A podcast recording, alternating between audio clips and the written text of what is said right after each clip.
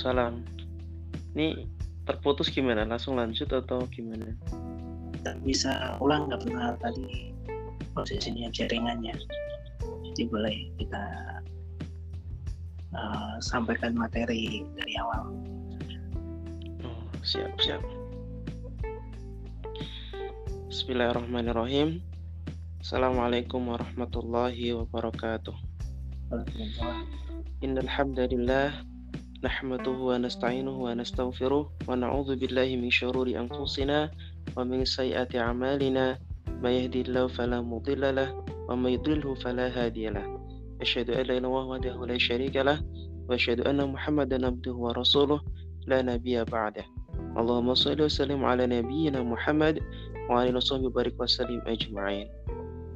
Sahabat رحمكم الله puji syukur hanya, untuk Allah SWT karena kita masih diberikan kesempatan hidup masih diberikan kesempatan tolabul ilmi yang mana kesempatan ini tidak semua orang diberikan kesempatan maka cara yang mudah kita untuk bersyukur yaitu senantiasa kita meningkatkan keimanan dan ketakwaan kita kepada Allah Subhanahu wa taala. Sahabat ini sudah Allah pada kesempatan yang berbahagia ini saya akan menyampaikan satu ayat yang sangat populer. Dan saya yakin teman-teman banyak yang sudah hafal yakni surat Ad-Duha ayat 4 A'udzu billahi minasyaitonir rajim walal akhiratu khairul laka minal ula. Yang artinya dan yang kemudian itu lebih baik bagimu daripada yang permulaan. Ya, meskipun asbabun nuzul ayat ini yaitu khusus Nur Rasulullah, namun kita sebagai umatnya juga termasuk. Maka para ulama mengartikan dari ayat ini yakni kehidupan akhirat bagimu ya lebih baik bagimu daripada kehidupan dunia. Nah, sahabat inspirasi untuk memudahkan kita mengait ini ada suatu kisah yang dapat kita ambil pelajarannya. Yakni pada zaman dahulu ada suatu kerajaan yang mana di kerajaan ini ada sebuah, seorang raja yang sangat bijaksana, arif, pokoknya dengan rakyatnya itu sangat-sangat memperhatikan dia dicintai semua rakyatnya. Nah, ternyata raja ini memiliki kebiasaan yang sangat unik namun bagus, yaitu setiap malamnya dia bersama beberapa punggawanya menyamar ya sebagai rakyat biasa lalu dia ingin meninjau langsung ke desa-desa yang mana mungkin masih ada rakyatnya yang kekurangan. Nah, suatu hari raja ini masuki uh, perkampungan yang di mana di situ ada satu keluarga yang memang benar-benar sederhana, yakni dihuni seorang nenek dan pemuda. Lalu raja ini melihat pada waktu uh, si pemuda ini tidur di teras rumah ya. Jadi di situ ada kursi kayu. Nah, pemuda itu tidur di situ. Lalu raja ini berpikir, wah, pemuda ini sebetulnya dia memiliki potensi yang baik untuk menggapai impiannya. Kalau dia diberikan kesempatan, mungkin dia bisa uh, meraih cita-citanya. Lalu raja ini memerintahkan pada penggawanya untuk dibawa ke istana dengan pelan-pelan supaya pemuda ini tidak terbangun. Nah, singkat cerita, pemuda ini sudah dibawa ke istana. Lalu di sana dia diganti dengan pakaian bagus, lalu ditidurkan di uh, tempat tidur raja. Nah, esok harinya pemuda ini bangun. Dia kaget. Loh, kok saya di tempat yang empuk, yang enak?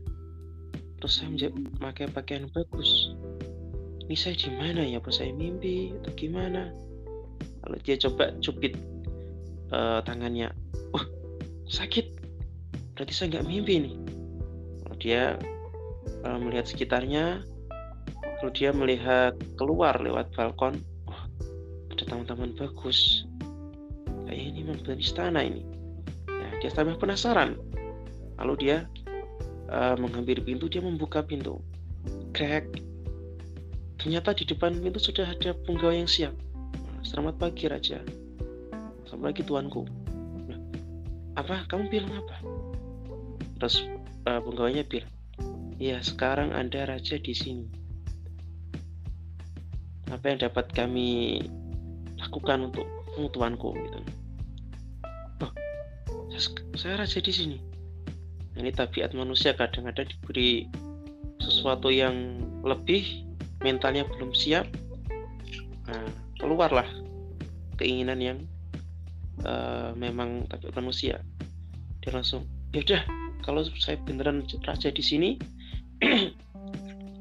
tolong siapkan makanan yang paling enak lalu hiburan yang paling bagus di kerajaan ini. Siap raja. Wah, akhirnya dia masuk kembali dia mandi.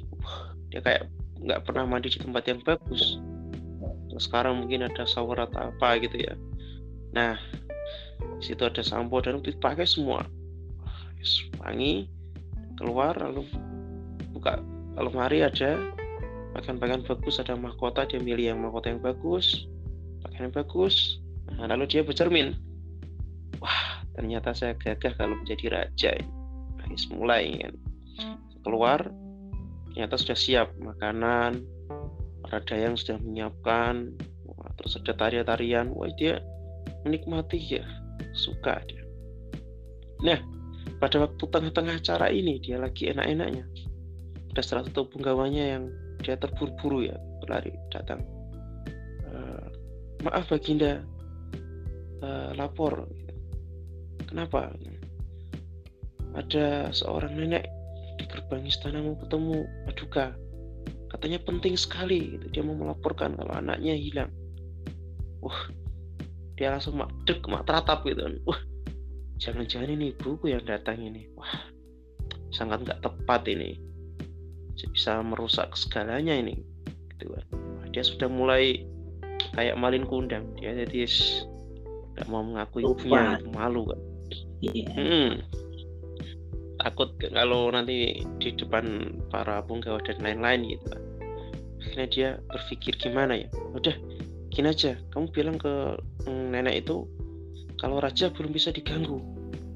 Nanti lain waktu uh, akan menemui langsung ke uh, rumah beliau gitu kan. Pokoknya ya gitu. Terus dan juga tolong ambilkan satu karung beras di gudang bawakan sampai ke rumahnya.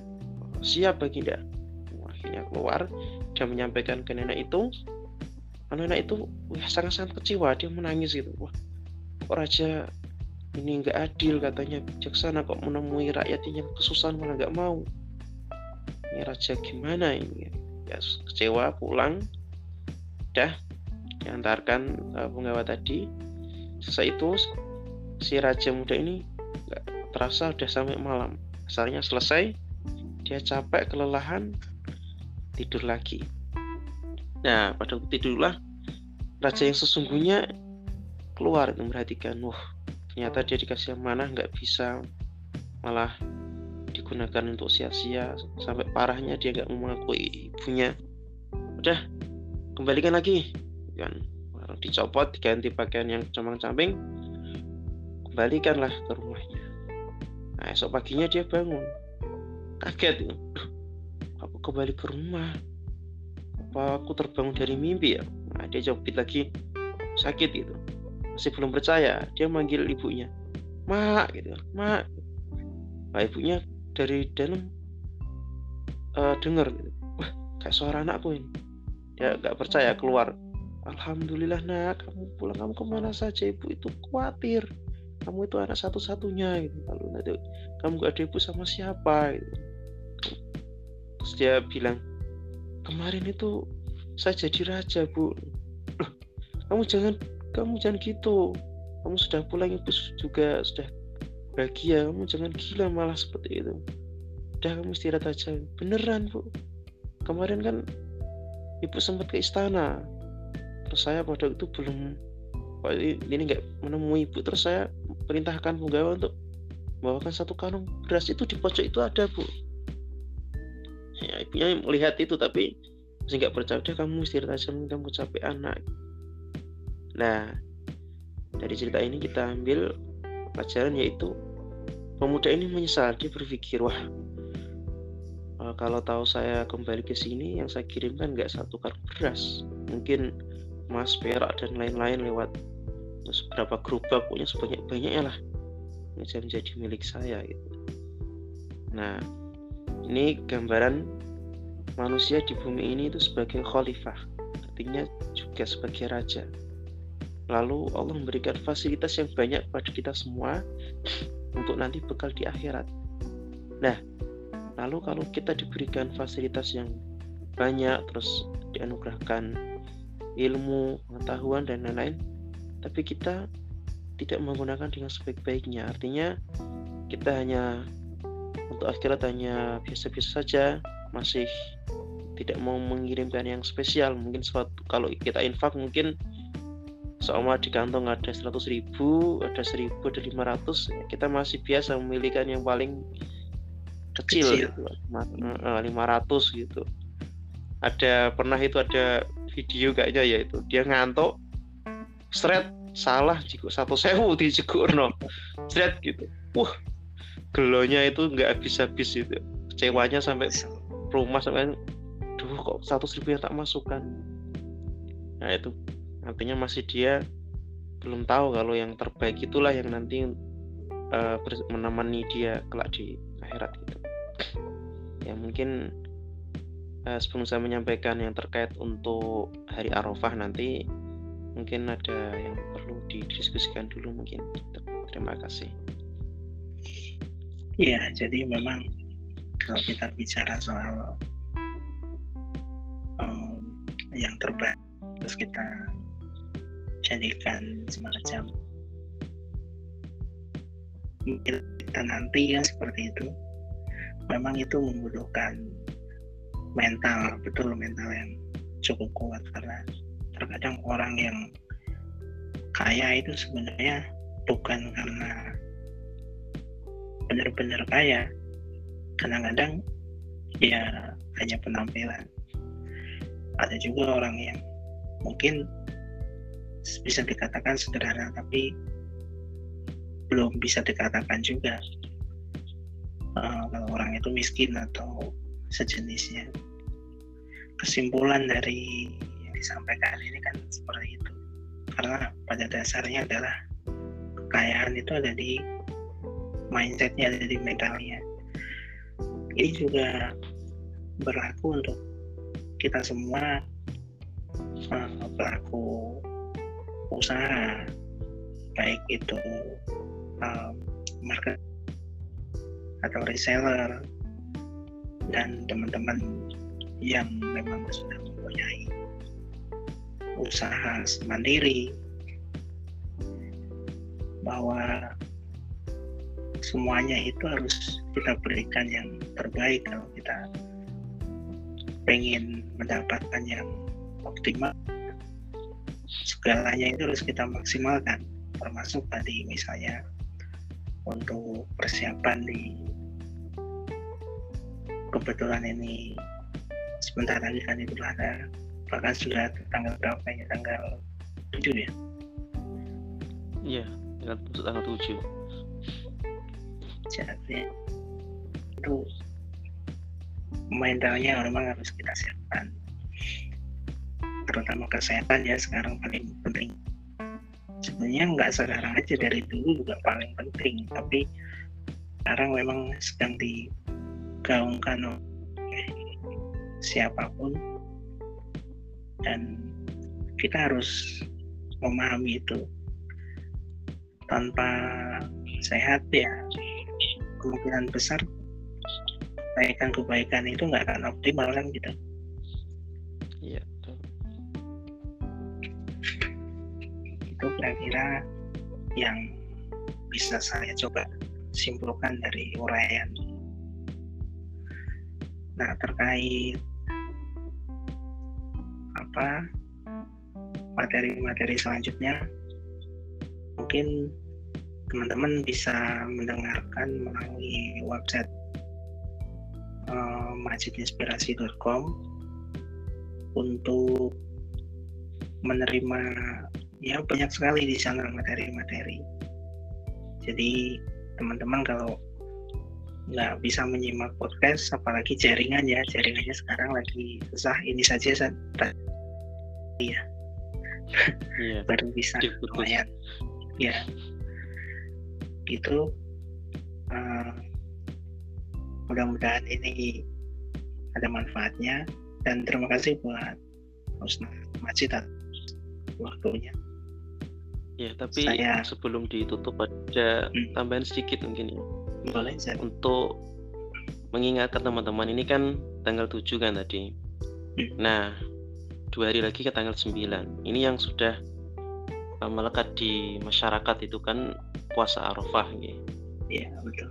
Nah, ini saya menyampaikan sedikit aja keutamaan dari hari Arafah. Sebetulnya banyak sekali, tapi saya mengambil dua lah untuk motivasi kita gitu. Iya, Uh, yang pertama ada hadis khairut doa doa yaumi Arafah. Jadi sebaik-baik doa itu doa pada hari Arafah. Kenapa? Karena Allah langsung uh, ini ibaratnya turun ke langit pertama gitu. Kalau biasanya itu kan uh, mal, sepertiga malam ya kalau hari-hari biasa. Nah ini khusus untuk hari Arafah itu di siang hari, siang hari pun gitu kan. Makanya termasuk teman-teman yang uh, ibadah haji itu kan di uh, sunahkan ya, banyak doa itu di Arafah itu untuk merenung juga. Nah, kita sebagai uh, umat Nabi Muhammad ini diberikan kesempatan seperti itu, ya digunakanlah sebaik-baiknya. Lalu yang kedua itu ada hadis lagi uh, ma min yaumin aktsara min uh, an itikumullahu fi fihi abdan minnan nar min yaumi arafah. Nah, ini juga ya, tidak di, tidak didapati hari, suatu hari di mana hari itu uh, Allah Subhanahu wa taala banyak ya memperjekakan hambanya ya paling banyak memberikan ham, uh, memperjekakan hambanya dari api neraka yaitu tidak lain pada hari Arafah juga. Jadi kita meminta ampun yang sebaik-baiknya, kita terbebas dari api neraka. Nah, ini kesempatan yang bagus. Nah, dengan puasa Arafah itu juga akan nanti bisa lebih memaksimalkan. Lalu yang terakhir eh, ada bacaan yang di ya dikir ya, yang dianjurkan Rasulullah, eh, yang itu apa namanya untuk Rasulullah sendiri dan juga para nabi yang sebelumnya juga melakukan yaitu zikir yang kita sering dengar mungkin setelah sholat yaitu la ilaha illallah wahdahu la syarikalah lahul mulku wa lahul hamdu wa huwa ala kulli syai'in qadir nah itu bisa diperbanyak di waktu hari Arafah juga mungkin itu tambahannya untuk sedikit biar nanti kita tidak terlewat untuk uh, menjalankan banyak ibadah dan lebih menguatkan lagi di hari Arafah tersebut gitu. Terima kasih. Ya, terima kasih. Uh, sudah disampaikan semuanya yang sangat bermanfaat. Mudah-mudahan ini benar-benar bisa kita praktekkan besok. Itu kita akhiri. Assalamualaikum ya. warahmatullahi wabarakatuh. Waalaikumsalam warahmatullahi